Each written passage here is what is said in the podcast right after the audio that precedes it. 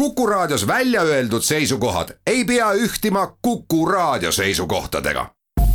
Te kuulate Kuku Raadiot. järjejutt. SK Barnett tagasi kirjastuselt Koolibri. järjejutt. oli hilissügis kuid ilm oli nii soe, et kaalusin, kas mitte jope seljast võtta. kõnniteele langenud pruunid lehed olid nii haprad, et pudenesid jalge all tolmuks. ma muutsin selle omamoodi mänguks. ma mitte niivõrd ei kõndinud mööda tänavat, kui andsin iga lehti hävitava sammuga oma kohalolekust teada. tere, ma olen tagasi liikusin omamoodi siksakitades, kuna osa poeomanikke oli pühkinud lehed kuhilatesse, mis sundisid mind aeg-ajalt ootamatult suunda muutma. ei tea, kas jätsin mulje, nagu oleksin pilves või koperdaksin kodu poole pärast hommikuni kestnud pidu. just siis ma nägingi seda. vaatasin silma oma kunagisele kuueaastasele minale. millised peaaegu olematud silmad pidin nende nägemiseks tükk aega valgesse tühjusse kissitama. see oli pitsabaari ees telefoniposti küljes. koer nuuskis postijalamit, püüdes otsustada, kas õnnistada seda kusejoaga või mitte, samal ajal kui omanik, keskealine naine, surfas laisalt telefonis ja käitus enam-vähem nii, nagu polekski tal koera rihma otsas oleksin tahtnud minna posti juurde ja pilti lähemalt uurida, aga ma kardan koeri. nii ma siis ootasin, kuni naine lõpetas viimaks telefoni õlitamise ja liikus edasi, tõmmates koera poole pissimise pealt endaga kaasa. Lähemale astudes tekkis mul tunne, nagu vaataksin peeglisse, aga mitte tavalisse, vaid võlupeeglisse, mis võimaldab heita pilgu minevikku hullumeelsesse paralleelmaailma, mis varitseb otse õhukese klaasi taga. ma olin just tagasiteel sellest hullumeelsest maailmast ja ma olin valmis astuma tagasi oma kuueaastase minu tuppa, kus kõik mu mänguasjad seisid rivis täpselt samamoodi, nagu olin need omal ajal sinna jätnud. tuleta meelde, Pratsi nukk, Elmo, kaks barbit, kari plasthobuseid nende seas ka Palomino, kellele olin pannud nimeks Goldi. tuleta meelde. Jou. Läks tarvis veel teistki nasaalset joud, enne kui taipasin, et keegi üritab minuga vestlust alustada. noor kutt, ei midagi uut. tasus mul kusagil kõnniteel seisma jääda, kui õige pea tuli mõni tüüp mind moosima. see kutt oli ilmselt minust vanem kuid tema riided oleksid sobinud pigem kellegi noorema selga.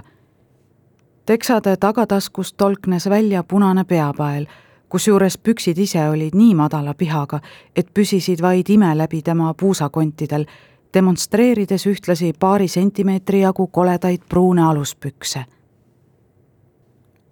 sul suitsu on? küsis ta. ei. ta ei lahkunud võimalik, et üritas avaldada muljet oma sõpradele, kuna pitsabaari uksel jälgis toimuvat mitmest poisist koosnev vaatajaskond. kusjuures nad nägid tõesti välja nagu poisid, oluliselt nooremad. sa pole siitkandist, ütles ta pooleldi küsivalt. kes ütles? ma pole sind lihtsalt varem näinud. ta püüdis kasvatada kitsehabet. just nimelt püüdis kuna see nägi välja nagu vähihaige viimased pulstunud juuksetutid. olgu, vahele jäin, ütlesin. nii et sa siis pole? Pole mis asi? Pole siitkandist? ikka olen, lihtsalt mitte viimasel ajal. minu vastus ajas ta ilmselt segadusse. ta vaatas korraks telefoniposti poole, kinnitades pilgu minu silmadesse minu vanadesse silmadesse. ajast, mil need polnud veel näinud kõike seda, mida ühed silmad ei peaks nägema. ta tammus jalalt jalale, oskamata midagi rohkemat öelda. pöörasin noormehele selja ja jätkasin telefoniposti uurimist. sõnatu tõmba uttu. paari sekundi pärast jõudis vihje või pigem korraldus talle kohale, sest ta lonkis minema, ehkki ilmselt oli ta oma eesmärgi siiski saavutanud, kuna tema semud huilgasid ja lõid plaksu. kui pöördusin uuesti noormehe poole pärast seda, kui olin küllaldaselt tõtt vahtinud omaenda näoga, sellega, mis sellest järel oli, tabasin ta endiselt mind jõllitamast, nüüd juba ilma võltsirveta. tema pilgus oli midagi muud. hetkeks tundsin, et tean, mis see on. äratundmine. Ainult selline, mille puhul sa pole kindel, mida täpselt oled ära tundnud. ei, pole võimalik. kõndisin edasi kiiremini, kui olin plaaninud, ehkki endiselt üsna sihitult, kuigi teatud ebamäärane siht oli mul silme ees. hõljumise tunne oli kadunud. olin kenasti kahe jalaga maa peal. äkiline paanikahoog tõmbas mul kõhukrampi, kui inimesed minust paremalt ja vasemalt mööda voogasid. õigus, täna oli ju laupäev. hulk rahvast oli tulnud tänavatele nautima üllatavalt mahedat sügisilma see neelas mu endasse. see pealetungiv rahva hulk, mis näis kiirustavat ei tea kuhu ja olevat otsustanud minu endaga kaasa vedada, ainult et mina olin selles olukorras juba korra olnud. ei midagi meeldivat, ei mingit soovi seda korrata. Tänan väga mm, -mm. olin olukorra üle kontrolli kaotamas. ma polnud enam iseenda peremees. seis, sügavad hingetõmbed sisse, välja, sügavad hingetõmbed. märkasin äkki, et seisan keset kõnniteed ja toetun mingi halli auto vastu. avastada end tegemas midagi, millest sa teadlik polnud, tekitas kummalise tunde, justkui oleksin unes kõndinud ja keegi oleks äkki tule põlema pannud. märkasin, et keegi naine jõllitab mind. keegi, kelle jalutuskärus istus väike laps, sinine lutt suus sinine on poiste värv. naine oli seisma jäänud ning püüdis ilmselt oletada, mis mul viga olla võiks. kas teiega ee, on kõik korras? äkitselt seisis naine minu kõrval.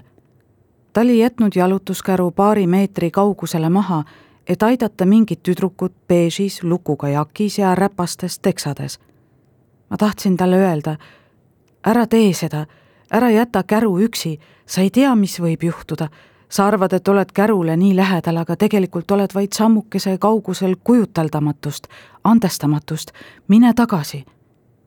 see oli see, mida öelda tahtsin. kuid ütlesin hoopis, mul on tarvis politseinikku, palun, ma olen Jenny Kristal ja mul on vaja mõne politseinikuga rääkida detektiiv, kes mind küsitles, oli naine, mis on säärastel puhkudel ilmselt tavapärane.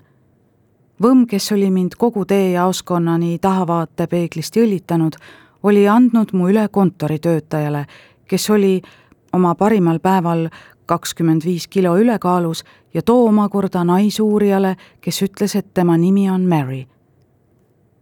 ta oli üsna viisakas ja küsis, kas olen näljane. jah, kohutavalt kas mul oleks vaja tualetti kasutada? oo jaa, olen ennast tundide viisi tagasi hoidnud. kas vajan arsti? ei, kõik on korras. siis küsis ta minu nime uuesti, ametlikult. Jenny Kristal. Ta oli kolmas inimene, kellele olin viimase poole tunni jooksul oma nime öelnud. neljas, kui arvestada lapsekäruga naist, kes oli politseisse helistanud aga alles pärast märkust, et minu nimi kõlab kuidagi tuttavalt. ta oli korranud sama tähelepanekut ka politseinikule, kes jõudis kohale viie minutiga ja paigutas mu turvaliselt patrullauto tagaistmele. üks väike tüdruk kadus siinkandis, kui ma veel keskkoolis käisin, sosistas naine. sellest räägiti ikka päris palju. minu meelest oli tema nimi Jenny Kristal, aga see ei saa ju tema olla, ega Võmm vastas, et ta ei tea. ent rooli taha istudes otsustas ta seda minult küsida. ta oli juba uurinud, kas ma tarvitan narkootikume. naine oli arvanud, et olen pilves, kuna ta leidis mu pargitud autot kallistamas. ta oleks nagu kokku kukkunud, ütles naine politseinikule, kelle nimi oli Farley. kinnitasin, et pole narkootikume tarvitanud ja et ta võib mind testida lasta, kui ta mind muidu ei usu ja et mul on lihtsalt tarvis rääkida kellegagi jaoskonnas. noh, aga mis teil siis viga on? too naine ütles, et te lihtsalt vajusite auto najale. kas olete võtnud tugevatoimelisi valuvaigisteid või midagi? ma pole lihtsalt tükk aega midagi söönud. Palun, kas te viiksite mu nüüd jaoskonda? ma kutsun kohe kiirabi, Preili. mul pole vaja mitte kiirabi, vaid ühte korralikku purksi. nii et te keeldute kiirabist. kas võiksite mu lihtsalt jaoskonda viia? mul on tarvis, et te keelduksite selge sõnaga kiirabist. sellised on eeskirjad Te võite sellest soovi korral keelduda, aga siis peate seda ütlema. kas olete üle kaheksateistkümne? jah. Ja te keeldute kiirabist? jah. siis pani ta mu tagaistmele. kuid enne mootori käivitamist ta pöördus ja jõllitas mind läbi võre. ava asetses enam-vähem rinna kõrgusel ning küsis, kas olen kunagi langenud inimröövi ohvriks Teie hea samariitlane ütles, et keegi teienimeline, ta arvab, et tegu on sama nimega, rööviti siitkandist kaheteistkümne aasta eest. Kas see olete teie?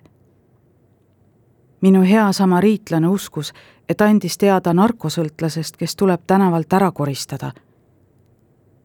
tahtsin rääkida jaoskonnas kellegi teisega kui Farley'ga, sest kui ta oli küsinud, kas olen üle kaheksateistkümne, oli ta seda teinud nii, nagu tahaks kindel olla, et ei lähe alaealise k***mise eest paragrahvi alla. ma lõpetasin rääkimise. Hakkasin selle asemel hoopis tänavanurki loendama, püüdes ignoreerida erinevaid inimesi. tugiraami najal kõndivad vanaprouat, kuutpakki balansseerida üritavat mustanahalist UPS kullerit, kaht last jalgratta seljas, kes kõik üritasid heita pilku tagaistmele, et näha, keda tänavanglasse veetakse üks, kaks, kolm, neli, viis.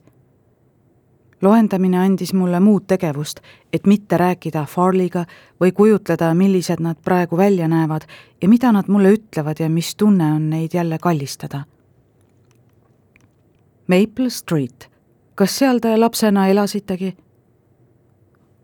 uurija Mary juuksed olid kammitud üle pea ja kinnitatud rangesse krunni õigupoolest oli terve tema nägu kuidagi range.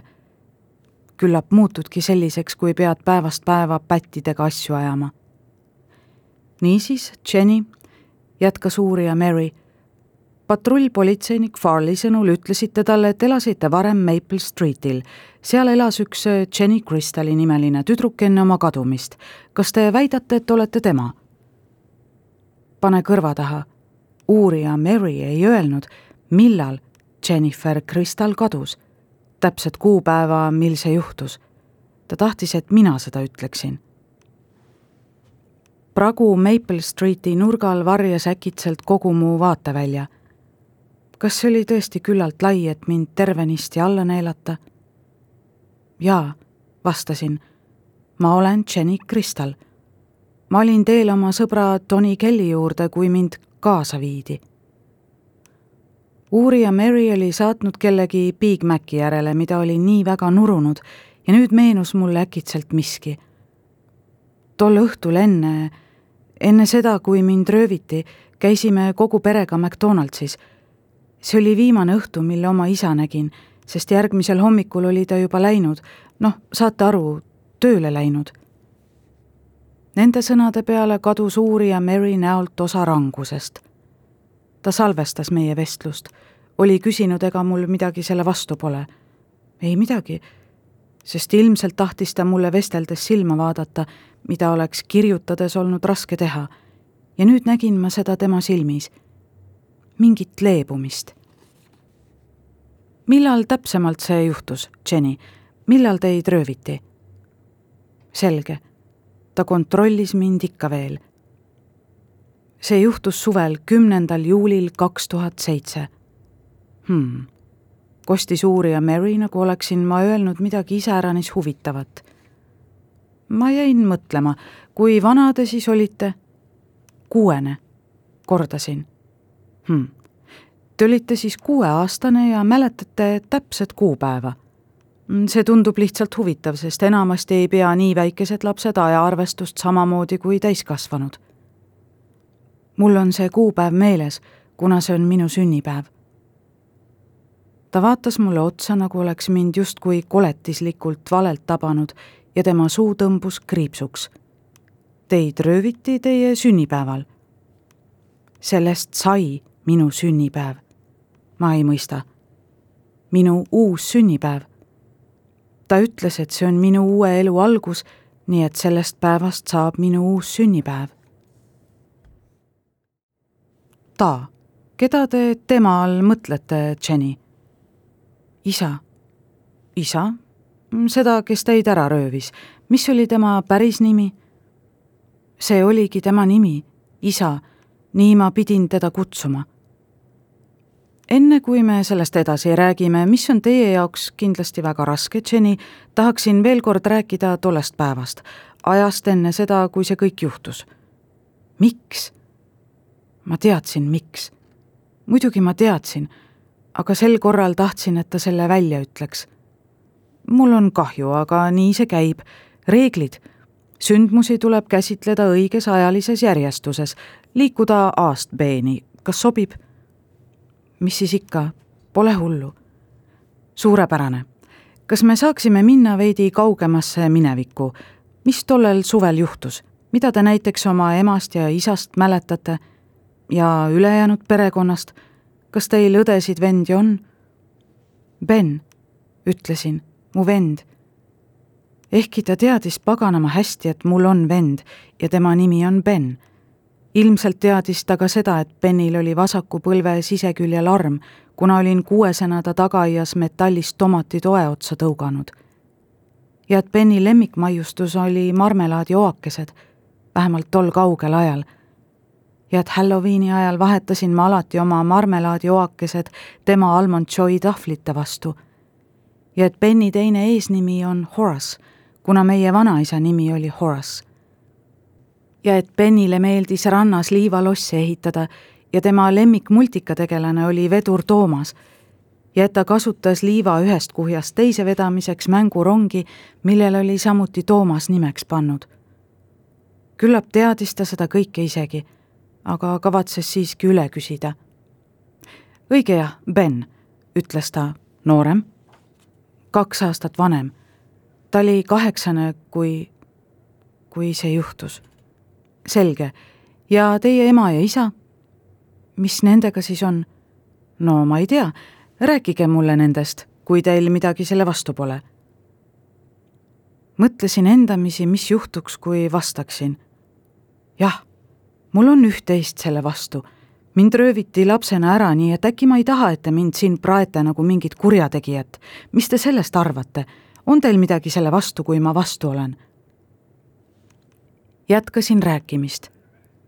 minu ema, mul oli mõnikord raske teda meeles pidada, kas mõistate? mul oli ju see uus ema, aga ma püüdsin kõigest väest hoida alles mälestusi oma päris emast. sellel isal oli abikaasa, nojah, ema. ema ja isa ja Jobeth, minu uus nimi Nad lasid mul selle endal välja valida ja lubasid isegi alles hoida oma vananime algustähe. väga lahke neist, kas te ei leia? nii armsad inimesed, nii isetud.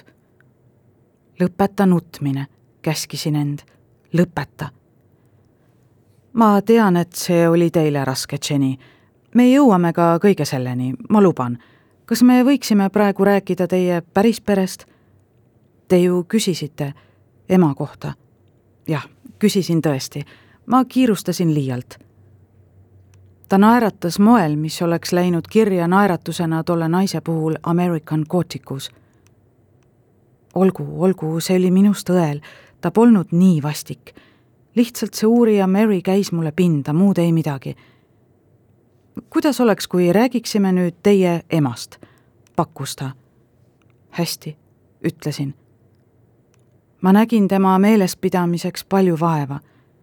püüdsin igal õhtul tema peale mõelda, saate aru, nad püüdsid mind unustama panna, ütlesid, et emps ja paps ei taha mind, et nüüdsest on nemad minu ema ja isa. et mu emps ja paps olid palunud neil mind ära viia.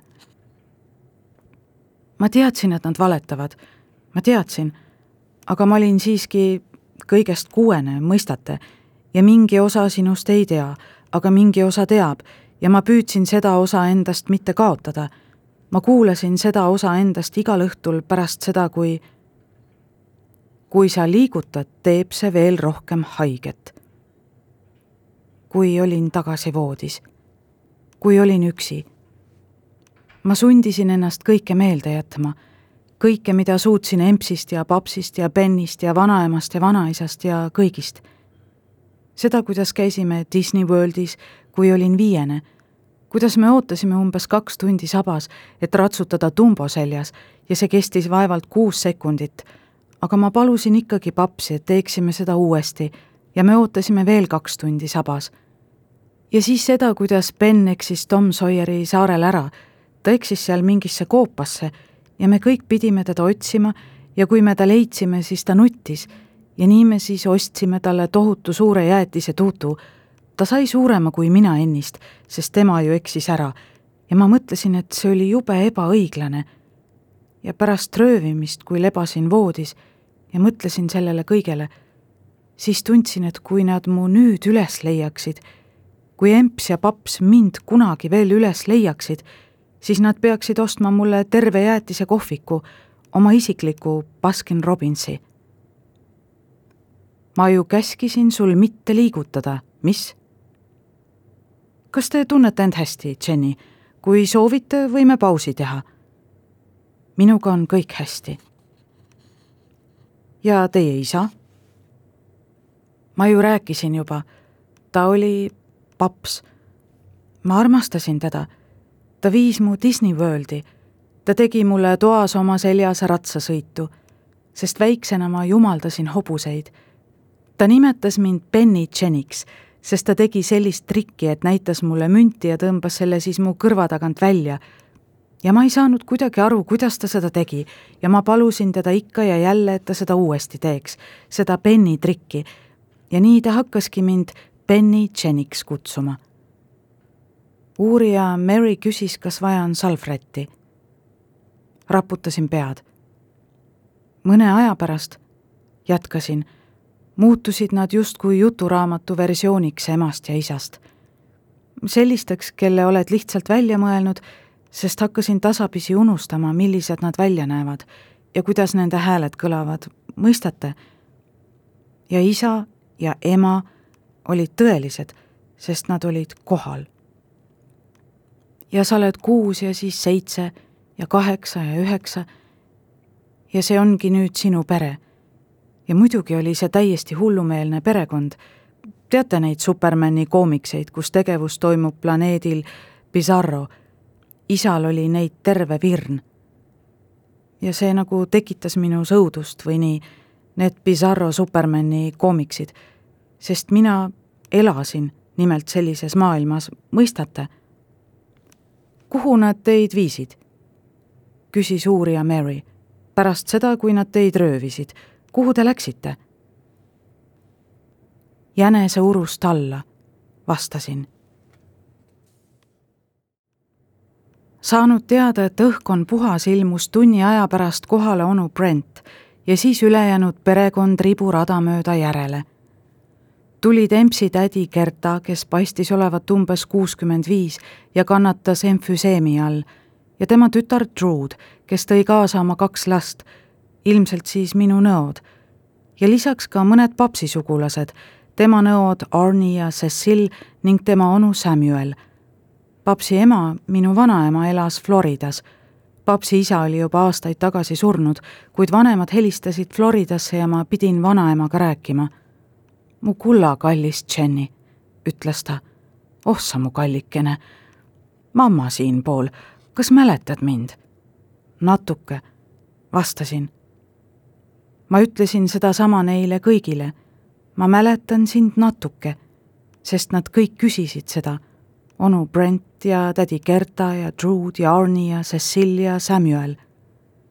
viimane kord, kui sind nägin, olid sa kahene või kolmene või ühene või kuuene või äsja sündinud, ütlesid nad, sa naersid või nutsid või magasid või aina lobisesid või mängisid oma hobustega.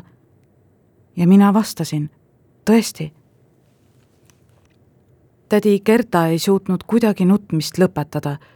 tal oli varrukas känkras pabersalvrätt, mida ta üha uuesti välja võttis, et oma punetavaid silmi pühkida mis tõi mulle silme ette mustkunstniku, kes tõmbab oma nööbist välja üht neist lõputu pikkadest rätikutest. Samuel, kes võis olla vabalt kaheksakümmend täis, aina raputas pead, nagu ei suudaks uskuda, et seisan tõesti tema ees ning Trude lihtsalt vahtis mulle laialt naeratades otsa. Samuel sättis end minu kõrvale sohvale ja küsis, kuidas ma kõik need aastad oma röövijatega elasin mispeale toas jäi äkitselt väga vaikseks. onu Sammy, ütles paps leebelt. Jenny ei pea sellest praegu rääkima. ah, Samuel näis olevat segaduses. olen kindel, et ta räägib sellest, kui on valmis, aga mitte veel. Nad kõik vahtisid mind nüüd, mugides samal ajal krõpse ja soolakringleid ja hummust, mille emps oli ostnud Trader Joe poest nagu oleksin mina peaesineja ja nemad publik, kes ootab, et ma midagi huvitavat teeksin. jaa, võimalusel ma parema meelega ei mõtleks sellele praegu, ütlesin. see mõjus tujurikkujana. onu Samueli küsimus minu röövijate kohta ja minu soovimatus vastata. see meenutas kõigile, et tegu pole mingi tavalise perekonna kokkutulekuga vaid sellise üritusega, mille puhul külalised vajasid majani jõudmiseks politsei eskorti. ja nüüd, küsis Trude endiselt laialt naeratades, mis plaanid sul nüüd on? jaa, küsis Ben, mis plaanid sul nüüd on, õeke? ma vist lihtsalt võtan vabalt. muidugi, nõustus Trude, arusaadav aga pärast seda, kui oled vabalt võtnud, käis Ben peale. emps heitis talle närvilise pilgu. Ben ignoreeris seda. ma ei tea, ma pole sellele eriti mõelnud. Nad jõllitasid mind endiselt. kõik need sisuliselt võõrad inimesed, esitades küsimusi, mis kõlasid nii, nagu oleksin äsja kolledžist koju tulnud või midagi, sest sealt, kust ma tegelikult tagasi tulin, pidi suure kaarega mööda käima kiiret pole kuhugi, ütles emps. Jenil on aega kõige üle rahulikult järele mõtelda. otse loomulikult, ütles Trude. kas tahad nüüd õgivaid koletisi mängida? küsis üheksa-aastane Melissa mulle oma telefoni näidates. ikka, vastasin. ta selgitas mulle mängu peenemaid nüansse, lükates keskmise sõrmega maiustusi paksu konna suhu mängul oli kolmkümmend üheksa tasandit ja ilmselgelt oli tal plaanis mind neist kõigist läbi vedada. see on üks paks konn, märkisin. see pole konn, itsitas Melissa, see on koletis. jaa, kinnitas viieaastane Sebastian, see on koletis. no sel juhul on see üks paks koletis. sa oled naljakas, ütles Sebastian. jah, tõeline koomik lapsed ajasid mind alati närvi, ilmselt seetõttu, et mul endal polnud iial lastud laps olla. kadedus, mis muud. ärge tüüdake oma nõbu, manitses Trude neid. hea idee, mõtlesin. keegi võiks pilti teha, pakkus tädi Gerta ning viimaks nõustus Arni kasutama oma telefoni, et klõpsata perepilt. selle alla tuleks kirjutada Melissa ja Sebastian tüütavad nõbu Jenit Ben jõlitas mind üle toa. tahad ka proovida, pakkus Melissa. ma sööks parem ise kommi, vastasin. põrgusse see konn. emme, Jenny ütles rumala sõna. Ruud nägi välja, nagu tahaks ta mulle midagi öelda, ent ilmselt meenutas hääleke tema peas, me ei tohi vaese Jenny vastu liiga nõudlikud olla ja ta noomis hoopis Melissat ma ju ütlesin, et ärge tüüdake oma nõbu. aga ta ütles rumala sõna. just, itsitas Sebastian. ta ütles põrgusse.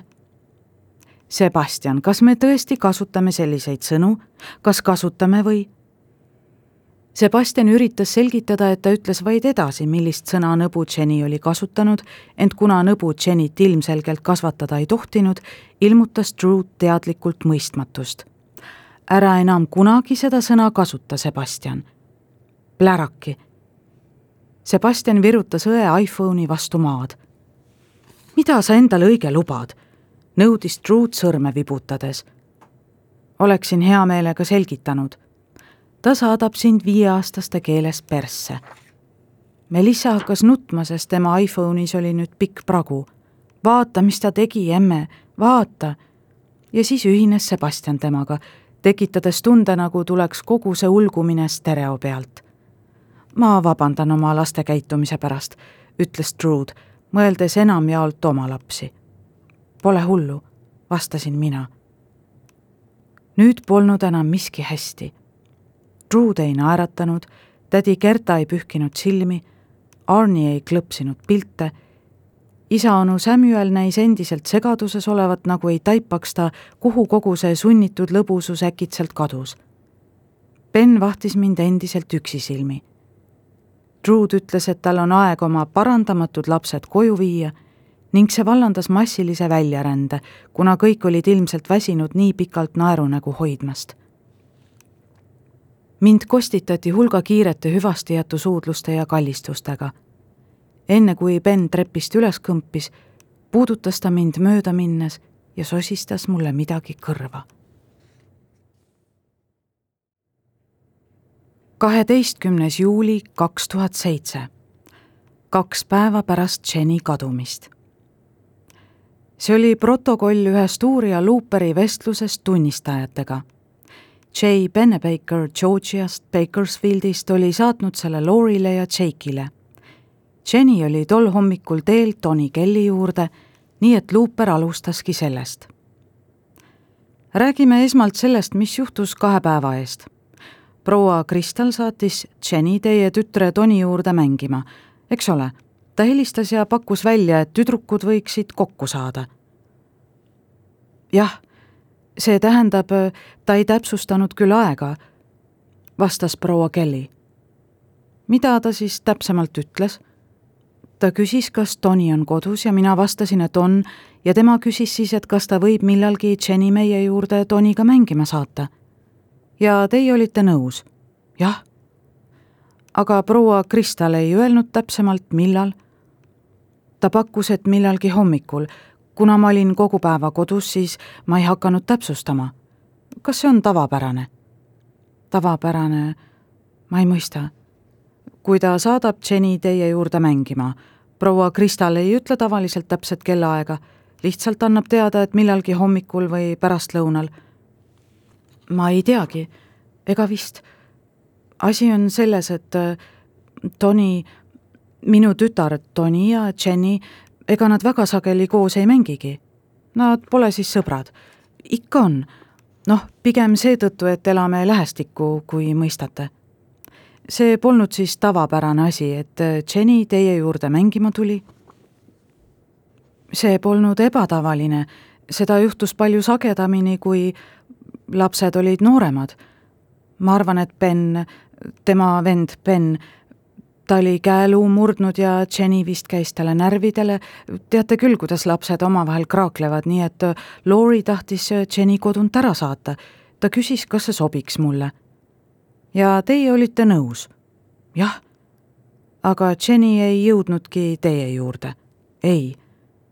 seega te helistasite proua Kristalile, küsisite, kuhu Jenny jääb? ei. miks mitte?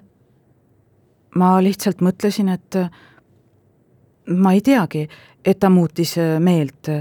nagu ma juba ütlesin, me ei leppinud mingit kindlat kellaaega kokku ega midagi. see oli suht ebamäärane. Ma lihtsalt eeldasin, et plaanid muutusid. olgu, millal te siis taipasite, et plaanid polnud muutunud? kui Lori helistas, millal see juhtus? kella kolme paiku. ja mida ta ütles?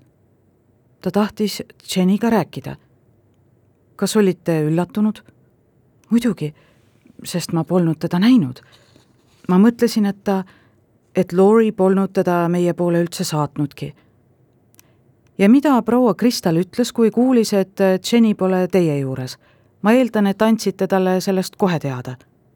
jah, muidugi, ta muutus noh, hüsteeriliseks või nii, ta ütles, et Jenny lahkus kodunt kell kümme kolmkümmend hommikul, et tulla teie juurde. jah. mul on teile üks küsimus proua Kristel ütles, et ta avas ukse ja vaatas, kuidas Jenny mööda kõnniteed teie poole suundus, siis ta läks tagasi sisse mm. -hmm. kas see ei üllata teid? ma ei mõista. miks see peaks mind üllatama? kas vanemad ei saada oma lapsi sõprade juurde? väikesi, kes tahavad koos mängida? kas tõesti on tavaline, et neil lastakse oma pead kohale minna? see on päris turvaline naabruskond ja me elame vaid kahe maja kaugusel. nii et Jenny tuleb alati teie juurde oma pead. alati? Me ei saa kasutada sõna alati, ma ju ütlesin, et minu tütar ja Jenny, nad ei mängi enam eriti koos. olgu aga, kui mängivad. ma pole kindel, ma pole nagu otseselt jälginud. Jenny on nüüd juba päris suur ma usun, et olen lasknud ka oma tütrel terve tänavavaheda sõbranna Mändi juurde lipata, olen selles üsna kindel. nagu ma juba ütlesin, see on päris turvaline naabruskond. või oli? Olgu, pöördume nüüd tagasi selle telefonikõne juurde. proua Kristal palus anda toru Jenile ja teie ütlesite, et teda pole teie juures. jah, ma ütlesin, et äkki lasi tonida sisse nii, et mina ei märganud. see on ju ka võimalik, eks panin kohe toru käest ja tormasin ülakorrusele kontrollima. Teie tütar oli siis ülakorrusel? jah, aga Jenit polnud seal. Toni vaatas multikaid, ta polnud Jenit sel päeval kordagi näinud. selge, mis edasi sai? ma võtsin uuesti toru ja ütlesin seda Lorile ja selleks hetkeks olin ma, mõistate, surmani hirmunud. ma pidin ääre pealt ise ka nutma hakkama, vist nutsingi, sest ma sain aru, et noh, ma sain aru, et midagi on mäda, et ilmselt on juhtunud midagi tõeliselt kohutavat. ja kuidas proua Kristal käitus? Mis te ise arvate? ta karjus, me peame ta üles leidma, me peame teda otsima minema. ja mida teie tegite? tormasin muidugi sinna, Lori juurde. loomulikult võtsin Toni endaga kaasa. ma poleks teda mingil juhul üksi jätnud ja Lori helistas politseisse ja siis noh, oligi kõik. nii see kõik algas. see tähendab, teie tulite, kaks patrullpolitseinikku, nii te neid vist nimetate, eks, ja siis kõik vanemad, mina ja Cindy Mooney ja Nancy Klein ja Amy Shapiro, me kõik suundusime teda otsima. Jake tuli töölt koju ja ma helistasin Brianile ja tema tuli ka. jaa, mu abikaasa oli täiesti endast väljas Kristallid mõistagi ka, olime kõik murest poolsegased, ütles härra Kelly. ülekuulamine jätkus veel mõnda aega.